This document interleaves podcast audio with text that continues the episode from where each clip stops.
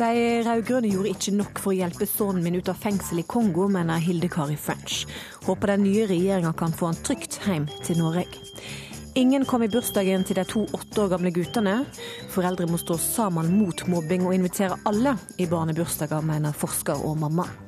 Og det er ikke et samfunnsansvar å shoppe, så dropp det, sier kvinner som ikke har handla noe på to år. Kjøp julegaver med god samvittighet og hold AS Norge i gang, svarer Virke. Velkommen til eh, ukeslutt her i NRK P1 og P2. Jeg heter Sara Victoria Rygg, og vi starter sendinga med siste nytt ved Ulf Tannesfjell. 180 000 liter diesel har lekket ut i havet etter at en kai har falt sammen på Skjervøy i Troms. Både politiet og brannvesenet er på stedet for å forsøke å begrense skadene. Dieselen har lekket ut i nærheten av flere lakseoppdrettsanlegg. Det er lagt ut lenser for å begrense skaden, men det er usikkert om laksen kan reddes. En person er fløyet til sykehus etter at en trailer kjørte av veien på E39 mellom Mandal og Vigeland og havnet i fastlandsvannet i Vest-Agder. Mannen er kritisk skadet, ifølge Fedrelandsvennen. E39 er stengt i begge retninger pga. ulykken. Minst to FN-soldater ble drept i en bombeeksplosjon i byen Kidal i Mali i dag. En selvmordsbomber kjørte en bil med sprengstoff inn i en bank, og de to drepte var med og bevoktet banken da eksplosjonen skjedde. 6000 personer vil i løpet av året ha gått fra trygd til vanlig jobb. Det er 1000 flere enn året før. Landets attføringsbedrifter formidler stadig flere trygdede videre til ordinære jobber. I dag avgjør de tyske sosialdemokratene SPD om de vil gå inn i regjering med Angela Merkel og kristendemokratene eller ikke. Over 100 000 partimedlemmer har stemt, og i dag telles stemmene opp. Blir det ikke flertall, kan Tyskland havne i en politisk krise. Nelson Mandela startet i dag på den siste reisen hjem til Kunu, landsbyen han vokste opp i. Rundt 100 000 mennesker fikk tatt farvel med Mandela da han lå på Lide Parade fra onsdag til i går. Og i morgen skal han gravlegges. Nå fortsetter ukeslutt med mer om situasjonen for drapsdømte Joshua French i Kongo. Jeg blir eh, rasende. Jeg gjør det. Jeg syns det er ufattelig eh, hån, å hånliggjøre Kjøstås minne. Det var reaksjonen til Joshua French etter at han tidligere i veka fikk vite at han var tiltalt for å ta livet av kompisen Kjostol Moland. French, som sitter fengsla dømt for drap i Kongo, mener at den nye regjeringa tar saka hans mer på alvor enn det den rød-grønne gjorde. Denne veka sendte regjeringa Kai Eide til Kongo for å hjelpe French. Reporter i Kinshasa, Øyvind Nuborg, hva er siste nytt i denne saka i dag? Kai Eide har eh, nylig forlatt sitt eh, hotell her i Kinshasa og har eh, rukket å, å, møte militære myndigheter her. Han skal også senere i dag på nytt ha møte med Joshua French i fengselet. Og det er som han sier at han vil gjerne bli bedre kjent med Joshua French og sette seg skikkelig inn i saken. Eide sier at han ikke har noe håp om å få French hjem til i Norge innen jul. Hva, hva strategi har han for å, å hjelpe han? Det ene er at man forsøker å få til eh, en utlevering til Norge for en eh, etterforskning og en rettergang i Norge, i og med at det dreier seg om et drap på en annen nordmann. En eh, annen løsning er å forsøke å få kongolesiske myndigheter til å frafalle tiltalen. Og Det tredje er hvis det blir en sak her, så må man gjøre alt man kan for å få frigjort ham. Men det overordnede målet er selvfølgelig å få French ut av Kongo. French ble tiltalt denne veka for å ta livet av kompisen sin. Han sier at han tror at drapstiltalen kan, kan redde han. Hva, hva, mener han med det? Det er jo en uh, viss uh, ironi uh, i dette, og det sier han jo når vi møter ham i fengselet.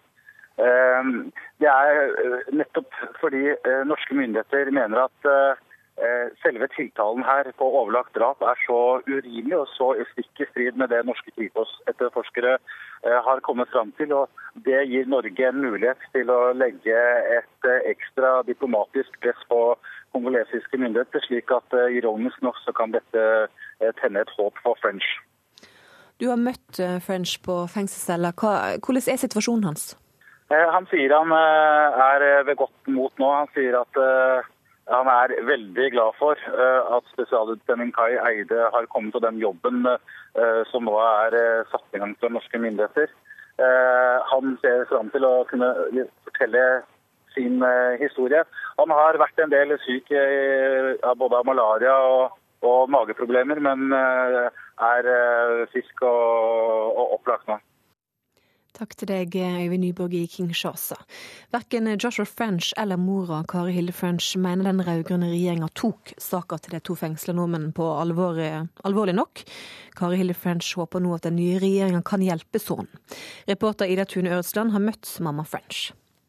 Her har jeg lite grann. Og så har jeg noe oppi et skap, og så har jeg tre-fire bananesker hos min datter, og så noe ute i boden min. Og hva er det for noe? Det er eh, stoff fra denne saken. Og når Joshua ringer meg, så noterer jeg ned hva han sier, for det blir som en dagbok for ham når, som han får når han kommer hjem. Så her har du hyllemeter på hyllemeter. Ja, jeg har, har veldig mye.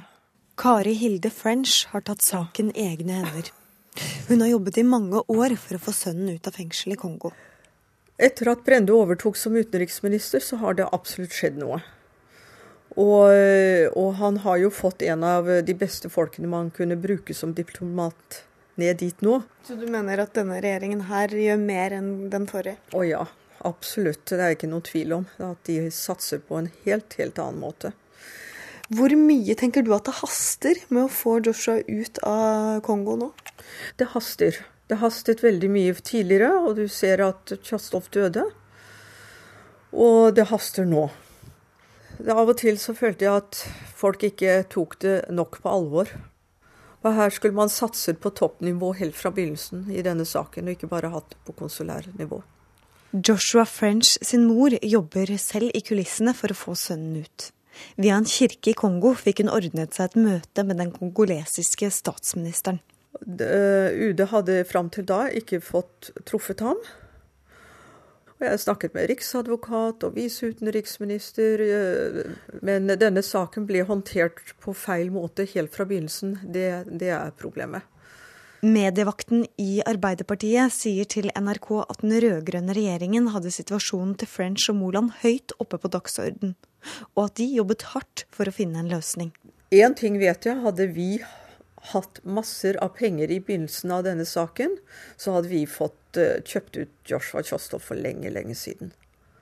Det er jeg ikke i tvil om. Hvor mye penger tror du det hadde vært snakk om? Altså, vi har fått en del tilbud. Og det går alt fra 300 000 dollar til mange millioner dollar. De tilbudene har vi fått fra forskjellige kanter, inkludert det militære, men også politikere. Men uh, vi har ikke hatt de pengene. Ja, hallo? Kari Hilde French snakker med sønnen på telefon hver dag. Han har snakket med UDs spesialutsending Kai Eide og ringer moren for å fortelle hvordan det gikk. Ja, nå, nå ringte Joshua. Jeg tror han er oppløftet. Jeg tror han er veldig glad for at det satses på, for fullt nå fra Norges side. Hva er det du frykter mest at kan skje?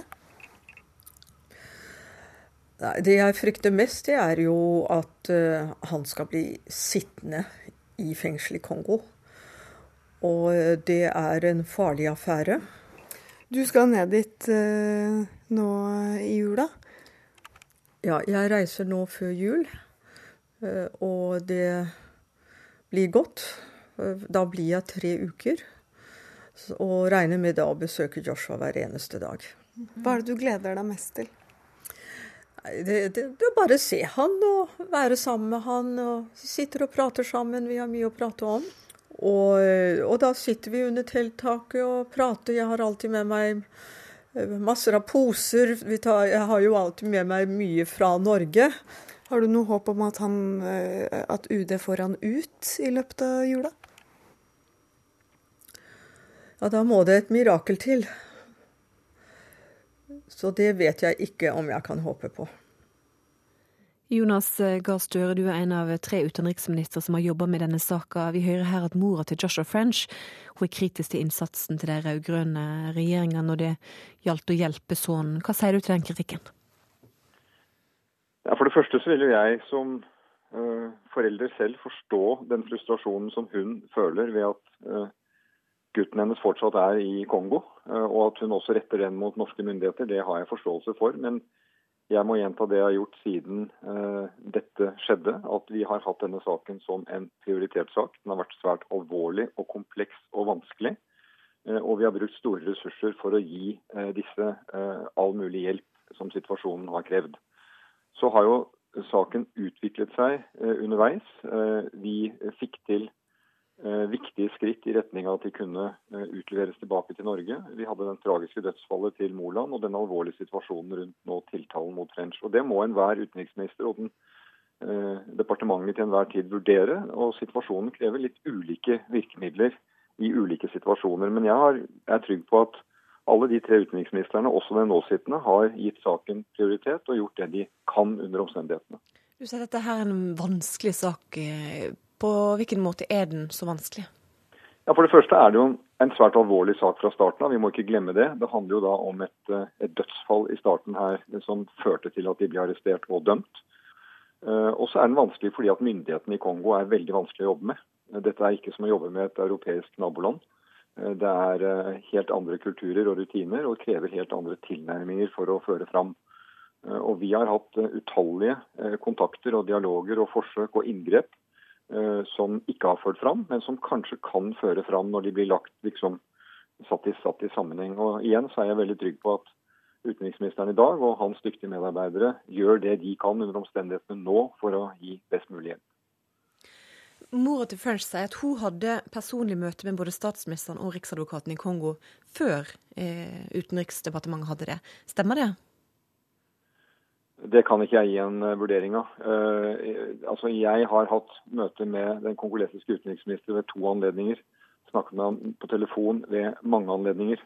Vi har hatt uh, svært erfarne diplomater på besøk i disse stedene i Kongo hvor guttene har sittet. Og vi har brukt også andre land som har inngrep, britene ikke minst, men også andre europeiske land og andre afrikanske land for å skyve på. Så du føler at dere gjorde alt dere kunne for, for å hjelpe nordmenn?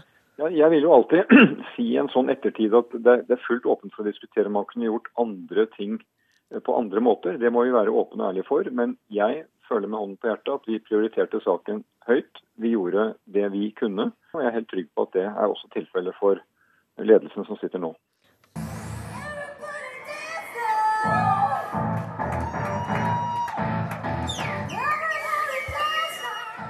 Medan du koser deg på dansegulvet på julebordet, så blir statskassa tappa for massevis av penger.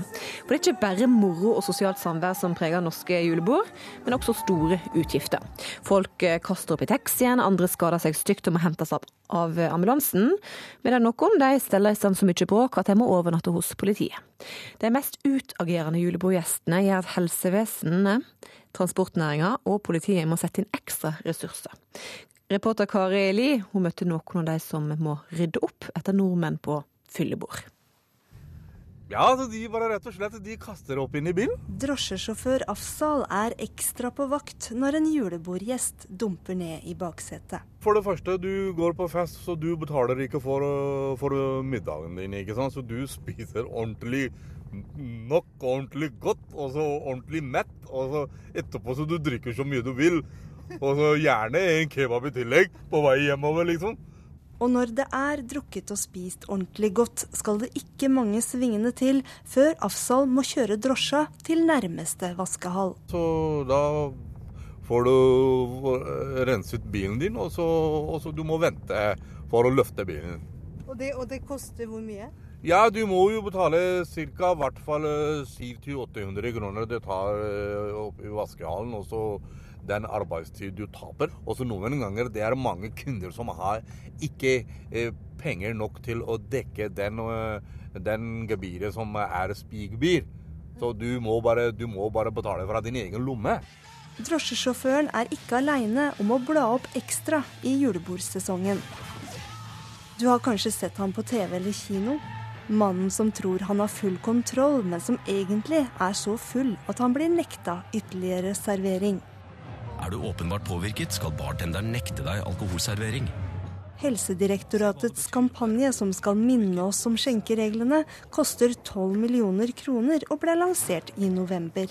Når vi først eh, kjører nå, så tenker jeg at det er veldig relevant, fordi det er mange som vanligvis ikke er ute på byen, som er ute akkurat på denne tiden av året. Ifølge divisjonsdirektør i Helsedirektoratet, Knut Inge Klepp, førte overskjenking og overstadig beruselse til 663 skader i fjor, og det på Oslos utesteder alene. Ja, det er ulike former for skader. Det kan være at en, eh, alt fra at en eh, vrikker forstuer foten, til at en faller og slår seg eh, for hodeskade, som kan være alvorlig. Og det kan òg være at en kommer inn i håndgemeng i slåsskamper og kan få mer alvorlige skader. Hvem er det som blir skada? Ja, Det kan være folk som vanligvis drikker moderat, men den ene gangen de får for mye å, å drikke og blir eh, tydelig og, eh, påvirket, så er de mer utsatte for skadene. Du kan være med på andre, andre runder av utefisken. På Den brune Skrøder restaurant er det snart klart for påfyll av både lutefisk og drikke på et av julebordene. Vi kommer til å ta et par pils eller to etterpå og være være i seng i rett tid, for vi skal på jobb klokka kvart over sju i morgen tidlig. Og Det er du sikker på? Det er jeg helt sikker på. Men kunne du tenke deg et julebord uten alkohol? Det hadde sikkert gått greit, det, men det er litt uh, altså, Med julebord så tenker du god drikke, som gjerne er noe alkohol. Også blant røykerne ute på fortauet er julebord ensbetydende med Middag, mye alkohol. God stemning og litt sånn eh, casual stemning mellom ansatte og sånn. Men man må jo passe på seg selv, da. At man eh, ikke tar inn for mye. Og selv om, eh, selv om, det er veldig hyggelig, så er det greit å tenke på at sjefer er der og sånne ting. At man skal ikke ta det gå helt crazy. Vi eh, topper laget, så å si. Vi, ser jo at det krever mer ressurser av oss og, ekstra innsats. Så at vi, vi har noen frie driftsmidler så vi kan legge på med litt overtid. Leder av ordensavdelingen på Sentrum politistasjon i Oslo, Robert Thorsen, kan lett identifisere julebordgjesten som krever ekstra innsats fra politiets side. Ja, det går litt på, på, litt på alder. Eh, og det er eh, flere som er litt opp i åra. Det er hyggelig at de kommer, men, men de, de, skiller seg litt ut av det, det, som vi ser som jobber i Oslo sentrum da, eh, til, til daglig i utelivet. Eh, så syns de jo. Eh, og vi ser det også på beruselsesnivået og graden. Ja, Hvordan da? Nei, noen av de, som jeg understreker det, noen får litt for mye å drikke. Hva tror du det skyldes? Kan skyldes litt lite mengdetrening. Lenge siden man har vært ute og lufta seg på utelivet og tar i litt ekstra, og glemmer at vi er ikke så godt vant til dette som vi var.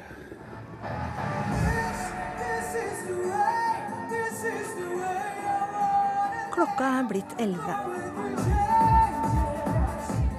På Valmanns salongers scene er det finale for de syngende servitørene Julebordgjestene har drukket og spist i fem timer. Noen vifter med noe som ser ut som lysende sugerør. Andre vifter med bankkortet og vil hjem. Vi ser at mange mennesker er veldig synlig berusa. De raver rundt på egen hånd. De tenker på mange måter ikke at de skal komme seg hjem. Leder for vaktene, André Aasheim, passer på utenfor. Over Akerselva, som renner mørk og kald. Eh, når vi sender mennesker ut, så er det ofte i en taxi, eller vi sender dem med andre mennesker, kollegaer og venner. Fordi at vi tenker litt på det er kaldt, det er vinter, det er snø, det er glatt. Det er mye kombinasjoner her som ikke er så bra. Og med, sammen med all alkoholen, så ja. Det er vel egentlig det som er svår utfordringen. Blir du bekymra? Ja, altså man blir bekymra når man ser eh, hvordan noen mennesker ikke klarer å håndtere gratis alkohol.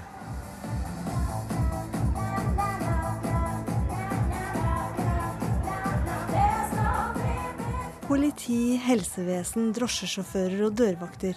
Alle må gi noe ekstra for julebordgjesten, som kanskje kvitterer med å være mindre produktiv eller ikke møte på jobb dagen derpå. Kan da skikken med julebord egentlig forsvares? Eh, jeg tenker på en fantastisk fest med mine venner og eh, jobben min. Og jeg synes at julebord er en utrolig fantastisk og fint eh, tradisjon i Norge, for jeg er ikke norsk. Ja, det er veldig sosialt veldig viktig. Det er det. For å få folk blir kjent med hverandre, folk som bare ser hverandre og sier hei hver dag. liksom Blir bedre kjent, rett og slett.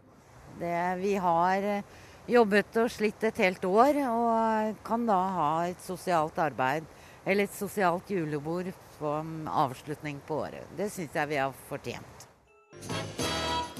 Du lytter til eh, Ukeslutt i NRK P1 og P2. Halv fram med det å høre at vi julehandla for nesten 11 milliarder kroner i forrige uke. Været har gått av shoppingstopp, mener forfatter. Uetisk å oppmode til det, svarer handelsstanden. Og mannen med den røde topphua deler ut milliardene sine.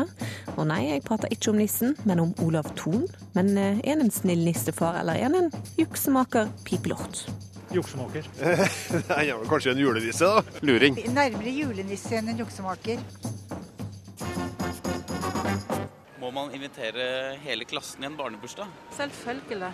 Hvorfor det? Pga. at å stå utenfor er forferdelig vondt. Og Det vet vi om, for vi har opplevd det sjøl. Derfor. Uh, jeg syns ikke at man trenger det. Hvorfor ikke? Nei, for det blir altfor mye. Det tar, seg, tar helt av, disse barnebursdagene. Så det blir uh, i overkant, syns jeg. Jeg synes enten blir det alle eller ingen. Syns jeg. jeg lurer på, I en barnebursdag, syns du man bør invitere hele klassen? Eh, nei, jeg tror ikke det. Hvorfor ikke? Ja, Det er for mange. Og mye mas. Jeg er jo tilhenger av at alle skal være inkludert. Men jeg ser også at ikke alle har eh, plass eller råd til å invitere hele klassen. Så da kanskje det ender opp med at noen ikke får feire bursdag i det hele tatt. Så det er to sider, jeg vet ikke helt. Historier som VG skrev om denne veka om de to kompisene på åtte år som inviterte alle guttene i klassen til bursdagsselskap der ingen kom, har blitt en stor snakkis de siste dagene. Det har ført til diskusjon om skjult mobbing, og alt fra kjendiser til politikere har engasjert seg. Mange har meint at barn bør invitere alle i klassen til bursdagsselskapet sitt, for at ingen skal føle seg utenfor. Men eh, Gry Helen Kristiansen, du er blogger og mamma, og du mener at barn må få invitere de gjestene de sjølve vil på festen sin. Hvorfor det? Jo, for bursdag skal jo i første omgang være gøy. Det skal være en gøy sak. Og da syns jeg at uh, bursdagsbarnet skal få velge sine venner. De de omgås med. Ikke bekjente og bare fordi man går i samme klasse, så skal de få Jeg slipper å måtte invitere dem, da. Altså, når din datter inviterer inn på bursdagsselskap, hva er da et godt nok argument for at noen ikke skal bli invitert til klassen? Nei, når hun over lengre tid har blitt plaga av en liten gruppe med jenter. Vi kaller ikke sånne folk venner da, hjemme hos oss. Og da er det heller ikke naturlig å be dem på fest hjemme hos oss. Ingrid Grimsmo Jørgensen, du er høgskolelektor eh, i pedagogikk ved Høgskolen eh, i Lillehammer, og, og, mamma. Eh, du har forsket på mobbing og foreldrerolle og mener at barn bør invitere alle i klassen. Hvorfor det? En av grunnene er jo at jeg er en sterk forkjemper for at alle barn skal føle seg inkludert. Og jeg jeg syns at, at, mammaen ved siden av meg har så mange gode poenger, og vi kjenner oss igjen alle sammen i det helt klart, vi vil det aller, aller beste for barnet vårt, og vi vil det aller, aller beste på den aller viktigste dagen utenom julaften. For det er jo bursdagen. Så det skjønner jeg veldig godt. Samtidig så har alle foreldre og alle voksne et felles ansvar for alle barn. For hvis ikke vi tar det felles ansvaret, eh, så klarer vi ikke å gjøre noe med mobbetallene i Norge. For eh, den siste elevundersøkelsen, altså den siste 2012, den viser at eh, mobbetallene har vært stabile de siste fem åra til tross for iherdig innsats. Så i 2013 så har jeg jobba veldig mye eh, med at jeg ønsker at foreldrene skal komme på banen i større grad, og at vi skal gå sammen, mammaer og pappaer, arm i arm, og si at nei, nå er det slutt på mobbinga. Nå skal vi se til at alle barn er inkludert. Og da kommer det til å koste oss litt. Men hva med da eh, argumentet for at en skal slippe å invitere f.eks. Eh, bråkmakeren i klassen eller den som har plaga deg, mm. Eh, til din, din, store dag? Barn lever i, i nuet. Eh, så da skiller jeg litt mellom Det er to grupper. Den ene gruppa er på en måte eh, de som du småkrangler litt med. De som du eh, ene dagen så liker du han eller henne, neste dagen så har du, har du kanskje krangla om et eller annet i skolegården som gjør at nei, han skal ikke bli invitert på bursdag. Og det ser vi er et argument som mange barn bruker mot hverandre. De bruker det som et pressmiddel. Så det ønsker jeg å eliminere helt. Men så er det en annen gruppe barn som, du blir, som du blir mobbet av. Eh, da snakker vi om noe helt annet. Eh, da, da, må vi ta andre hensyn, eh, og da må vi sette inn tiltak. Men når det gjelder småkjekling, disse tingene her, det er, det er ting som barn må lære. Det er samspillsproblematikk som barn må lære seg. Og ved å invitere til bursdag, så kan man gjerne si at vet du hva, jeg veit at du ikke har det beste forholdet til akkurat den jenta, men vet du hva, på bursdagen din, der kan ikke vi gjøre et forsøk? Er det ikke mulig at vi kanskje kan reparere relasjoner? Det lærer barn fantastisk mye av. Jo, det er en edel tanke å, å få slutt på mobbing. Det er ingenting som hadde vært bedre enn det. Og får du til det, så ja, all honnør. Men allikevel, det å be hele klasser, eller bare jenter eller bare gutter, jeg, det kan også medføre en del praktiske problemer for folk. Det er ikke alle som har plass til 30 barn hjemme hos seg. Mm. Eller har råd til å bespise dem. For barnebursdag koster ganske mye penger. En annen ting er å dele opp enten bare jenter og bare gutter. En jente kan ha guttekompiser. Gode guttekompiser. La oss si at de er venner med 10 av 15 jenter da, i klassen. Og fire av gutta. Skal de da velge de jentene i sin bursdag framfor de guttene som de er venner med, bare fordi de er jenter? For sånn skal det være. Jeg er liksom ikke helt enig i at det skal settes sånne Det skal være sånn, sånn eller sånn hvis du skal ha bursdag.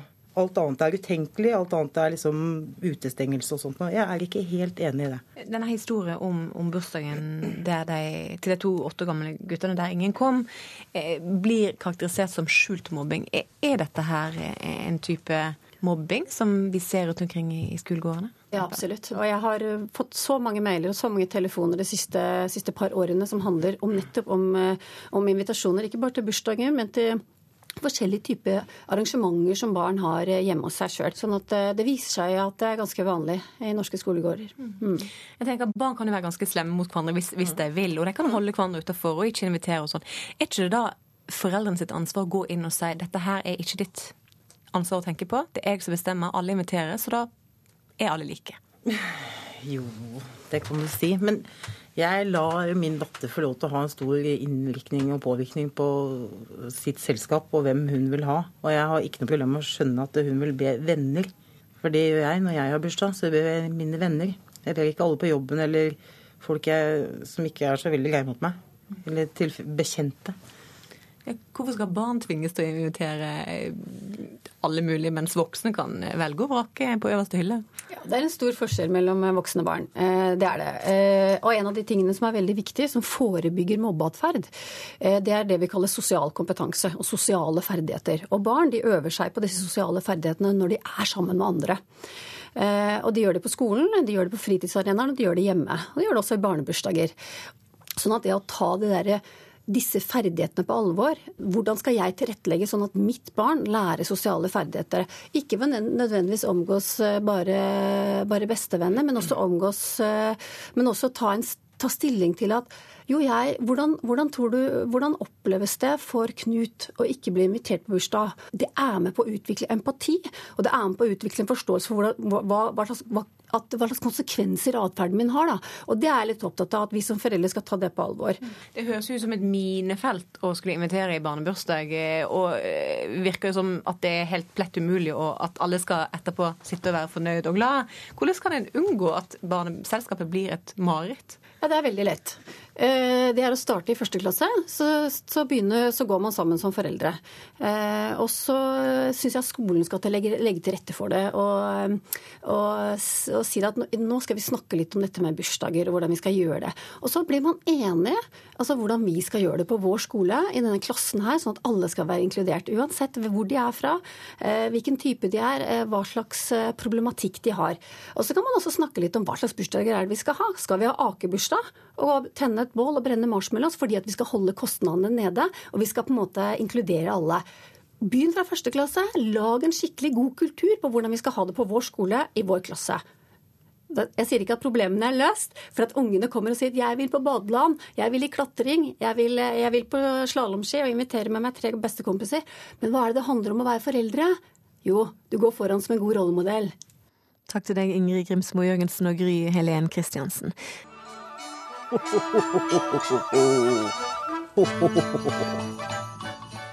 Han kan kanskje se ut som sjølveste nissen med den rødaktige hua han går rundt med hele tida. Og denne veka så tok han jammen på seg spanderbuksen òg. Rikingen Olav Thon delte ut hele milliardformuen sin, men det er ikke alle som mener at han er så veldig godhjerta av den grunn. Ukesut sin reporter Magnus Batten møtte nissefar.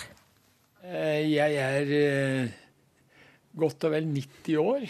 Vanligvis tar 90 år gamle Olav Thon seg gjerne en skitur på denne tiden av året. Men pga. litt dårlig skiføre så måtte Norges rikeste mann finne noe annet å drive med. Og selv om formen er aldeles glimrende, så skal man jo være klar over at uh, det er ikke så forferdelig mange som holder noe særlig over 100, iallfall. Hvem er denne karen med sekk og lue på, som ligner litt på nissen i grunn? Denne uka ga Olav Thon fra seg hele sin formue, 25,4 milliarder kroner. Dette må være tidenes uh, julegave. Hva sier du til det? Ja, det, det kan man jo kanskje si det er. Jeg er ikke imponert over dette, fordi at uh, Olav Thon på denne måten har sikra seg to ting. Evigvarende monument over seg sjøl. Og så er jeg ikke imponert fordi at ved å organisere formuen sin på denne måten, så vil denne formuen få en betydelig lavere skatt enn dersom den var eid på en annen måte. Redaktør i tidsskriftet Manifest, Mimir Kristiansson, var en av mange som ikke lot seg imponere av Thons milliardgave. Altså, Den kritikken eh, som er kommet i forbindelse med opprettelsen av stiftelsen, eh, den eh, har jeg nærmest sett som ja, på grensen til å være helt uforståelig. Det, det, det påkaller absolutt eh, min eh, lattermilde eh, måte eh, å se tingene på. Hallo, hallo, her kommer jeg, du ser vel hvem jeg er. Ukeslutt har fått møte Olav Thon i hans kontorer i Oslo sentrum. Det er pyntet til jul. I et hjørne står et stort juletre, og gaver til ansatte står på rekke og rad. Røde pakker med store hvite konvolutter klare til henting. Ja, jeg syns jo at uh, det er hyggelig å, å kunne sende et liten julehilsen. På Twitter, i kommentarfeltene til nettavisene og på gata lar folk seg engasjere. For hvem er egentlig denne karen som ligner litt på nissen? Er Olav Thon julenisse eller juksemaker? Juksemaker. Jeg er litt juksemaker, for han sparer mer skatt enn han gir bort i der eh, fondsutdelingene sine hvert år. Olav Thon skal gi bort 25 eh, milliarder til et fond. Er han en julenisse eller en juksemaker? Han er kanskje en julenisse, da. Jeg vet ikke. Han uh, luring. Jeg er iallfall nærmere julenisse enn en juksemaker. Jeg er juksemaker. Hvorfor det? Jo, for han betaler i dag 150 millioner i skatt. Og hvis han bare skal betale 50 millioner i bidrag etter at han oppretter det fondet, så taper jo samfunnet generelt på det. Stiftelsen betaler langt bortimot, bortsett fra denne lille forskjellen i formuesskatt, eh, så betaler stiftelsen samme skatter eh, som Olav Thon-gruppen i dag betaler. Og hvorfor skulle man eh, betale formuesskatt av, eh, en formue som man ikke har? Eh, det er det ingen som svarer på. Men hva syns karen med den røde topplua om å bli kalt både julenisse og juksemaker? Når man har levet så lenge som uh, meg og vært så i, i, i skuddlinjen, så, så, er man selvfølgelig vant til å ta både kritikk og hyllest nokså uten å gå helt amok av verken glede eller sorg. Eh, men eh, av de to tingene så må jeg jo si at jeg liker best hyllest. Når dagene mot julen lakker, må alt være klart som blekk. Med merkelapp på alle pakker, i julenissens digre sekk.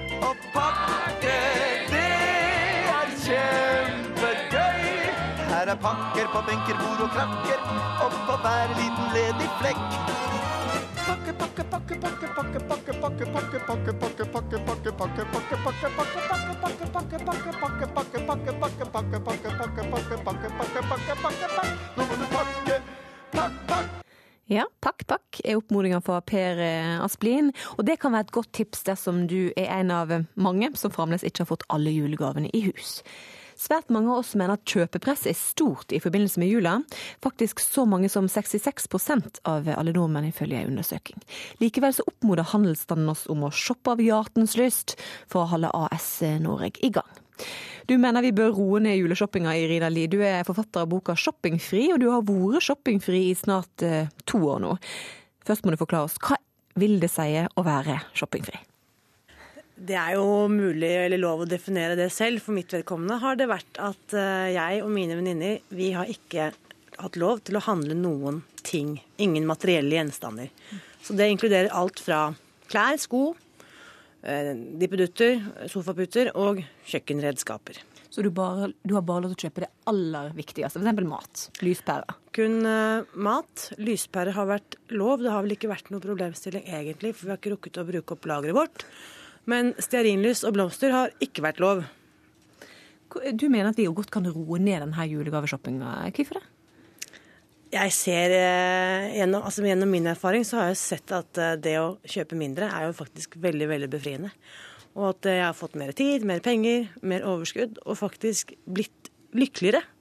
Så alt det jeg har gjort for, som jeg trodde jeg kunne kjøpe meg, har jeg først fått når jeg sluttet å shoppe. Så det tenker jeg at flere kan jo få eh, gleden av å oppleve. Hvordan blir en lykkeligere av å ikke shoppe? Nei, da Det første jeg opplevde, var at jeg ble veldig fornøyd med de tingene jeg allerede hadde. Og det er faktisk lett å glemme når man fyller på med stadig mer. Og jeg har faktisk glemt hva jeg har hatt innerst bakerst i skapene. Og jeg har jo fortsatt, etter to år, ting i skapet med lappen på.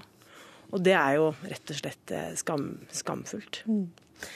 Bror William Stende, du er bransjedirektør i Virke for mote og fritid. Vi bruker ekstremt masse penger på, på julegaver. Eh, I forrige uke så handla vi for 10,8 milliarder kroner på ei uke. Eh, likevel så mener jeg at vi kan shoppe med, med god samvittighet. Hvorfor det? Eh, jo, det er jo for å, som du innledningsvis sa, for å holde eh, økonomien i gang. Eh, handel er eh, også den største arbeidsplassen i Norge. Nesten hver eneste kommune rundt i Norge så er, eh, det handelsstanden som har arbeidsplassene. Største næringen i Norge. Eh, utrolig viktig driver for norsk økonomi og vår velstand. og så har jeg veldig stor tiltro til de aller fleste forbrukere, at de kjøper det de trenger. at det ikke er overforbruk, men at de kjøper når de trenger trenger det. Irina Eli sier jo at du godt kan tenke oss litt om når vi shopper. Virker har sagt at eh, det at hun oppfordrer til, til, eh, til shoppestopp, det er nesten uetisk. Hvorfor sier dere det? Da har vi jo tenkt i ytterste konsekvens. Og da er det tilbake til dette arbeidsplassene. Hvis alle skal kollektivt shoppestoppe og bare kjøpe det aller mest nødvendige, så går det utover utrolig mange mennesker i Norge. Og selvfølgelig også i disse landene vi produserer våre varer. Vi produserer ingenting selv lenger. Og det er gjerne utviklingsland vi produserer i.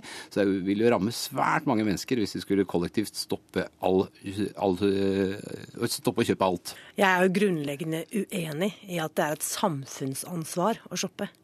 Jeg tenker at det er en veldig veldig kortsiktig og veldig dumdristig løsning. Vi er i ferd med å shoppe på oss så enorme problemer. Altså eh, nedover i systemet, altså konsekvensen av vår enorm, vårt enorme forbruk er miljøproblemer. Altså, Vi har søppelberg som ikke ligner grisen. Eh, dra opp på gjenbruksstasjonen en lørdag og se hva vi setter fra oss av fullt brukbare ting. Vi kan ikke bare fortsette å bruke og bruke og bruke og tenke at ikke vi at at det, ikke er noe vi bruker opp, for det gjør vi faktisk. Og jeg tror også det at uh, handelsstanden og hele økonomien og hele AS Norge vil få langt større konsekvenser hvis vi venter til den virkelige smellen kommer, istedenfor å ta omstillinger nå. Da. Ja, vi mener jo også at vi må dreie oss mot bærekraft, et bærekraftig forbruk. Det er ikke noe tvil om det, uh, men det kan ikke gjøres over natten. Uh, dette her, altså Bare se på USA, hvordan de måler forbruket til enhver tid som en, som en indikator på hvordan, dette, hvordan landet går og hvordan veksten skal foregå. Men for å få til en eh, bærekraftig vekst også i eh, produksjonslandene, så må vi eh, opprettholde handelen da, til vi får teknologi som kan erstatte farlige kjemikalier og, og, og bærekraftig produksjon av de produktene vi skal bruke.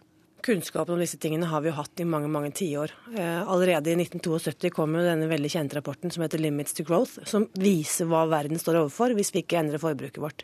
Mens bare i løpet av de siste 20 årene er jo forbruket av klær doblet i Norge. Så det er jo ikke kunnskapen vi mangler. Nå er det på tide å sette kunnskap om til handling. Og lavere forbruk, eventuelt kjøpestopp, tror jeg kan være en veldig god løsning for den enkelte Og det vil også gi utrolig hyggelige resultater på det mentale, personlige plan. Kunne du tenkt deg å gå til ei uke uten å shoppe? Bare for å se hvordan det gikk med det mentale planet? Ja, en uke uten å shoppe, det er ikke uvanlig for meg for så vidt. Da kjøper jeg selvfølgelig mat. Men eh, jeg har ikke mange klær i skapet med merkelappen på, for å si det sånn. Det har jeg ikke.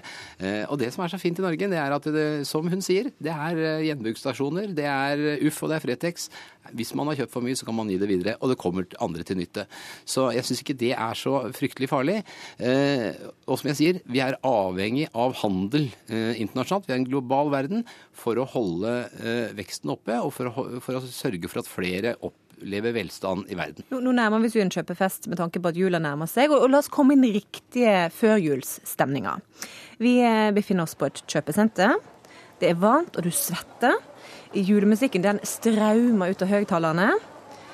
Og du har glemt Hanne Liste hjemme, selvsagt, så du aner ikke hva du skal kjøpe verken til far, mor eller tante Olga.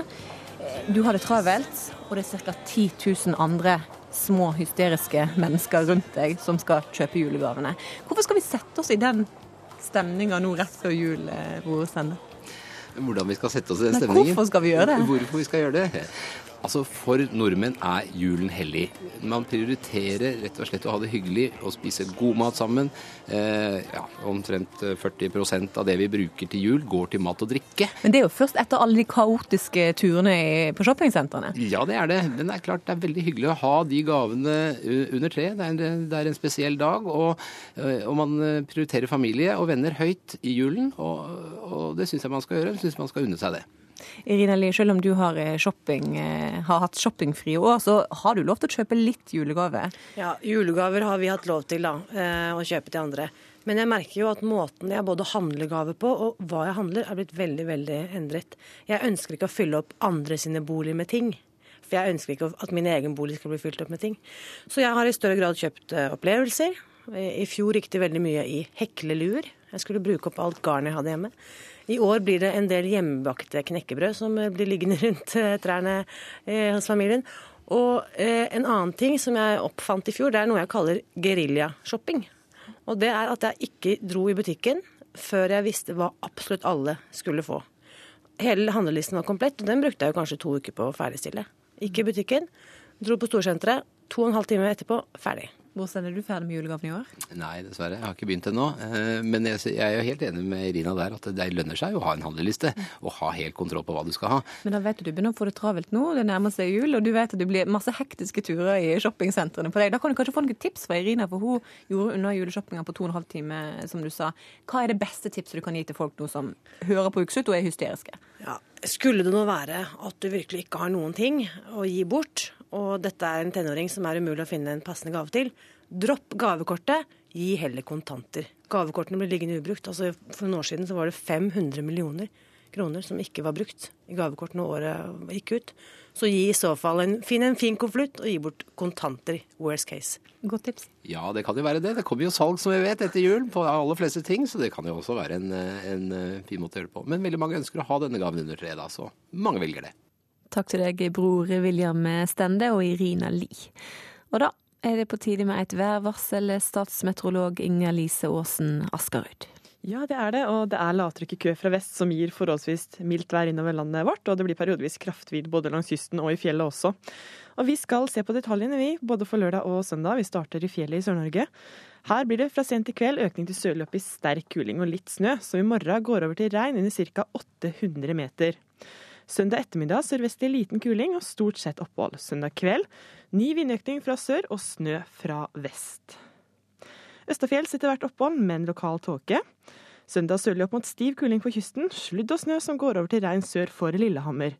Fra søndag ettermiddag minkende vind og opphold. Søndag kveld ny vindøkning fra sør, og igjen regn fra vest. Vestlandet sør for Stad får økning til sørlig sterk kuling opp i full storm nord for Bergen. I kveld regn, søndag sørvest opp i liten kuling og regnbyger. Søndag kveld sørlig sterk kuling på kysten, full storm i nord og igjen regn. Møre og Romsdal og Trøndelag får dreining til sørøstlig opp i stiv kuling utsatte steder etter hvert opphold. Søndag dreier vind til sørvestlig periodevis sterk kuling. Om kvelden sørøstlig igjen, og det blir regnbyger som snø i høyden. I Nordland og Troms røstlig kuling utsatte steder, med sterk kuling i Nordland. Utpå søndag minker vinden til sørlig opp mot stiv kuling, og det blir litt snø som brer seg nordover. Søndag overgang til regn i ytre strøk av Nordland.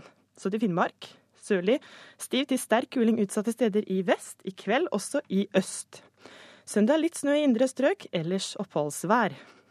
Så til Spitsbergen, her dreier vinden til sørøstlig frisk bris fra i kveld oppå. I morgen øker vinden til sørøstlig stiv kuling utsatte steder, og det blir etter hvert litt snø. Og det var værvarselet fra Meteorologisk institutt. Ukeslutt er over for i dag. Ansvarlig for sendinga var Ida Tune Øretsland. Karl Johan Rimstad styrte teknikken. Og jeg heter Sara Victoria Rygg.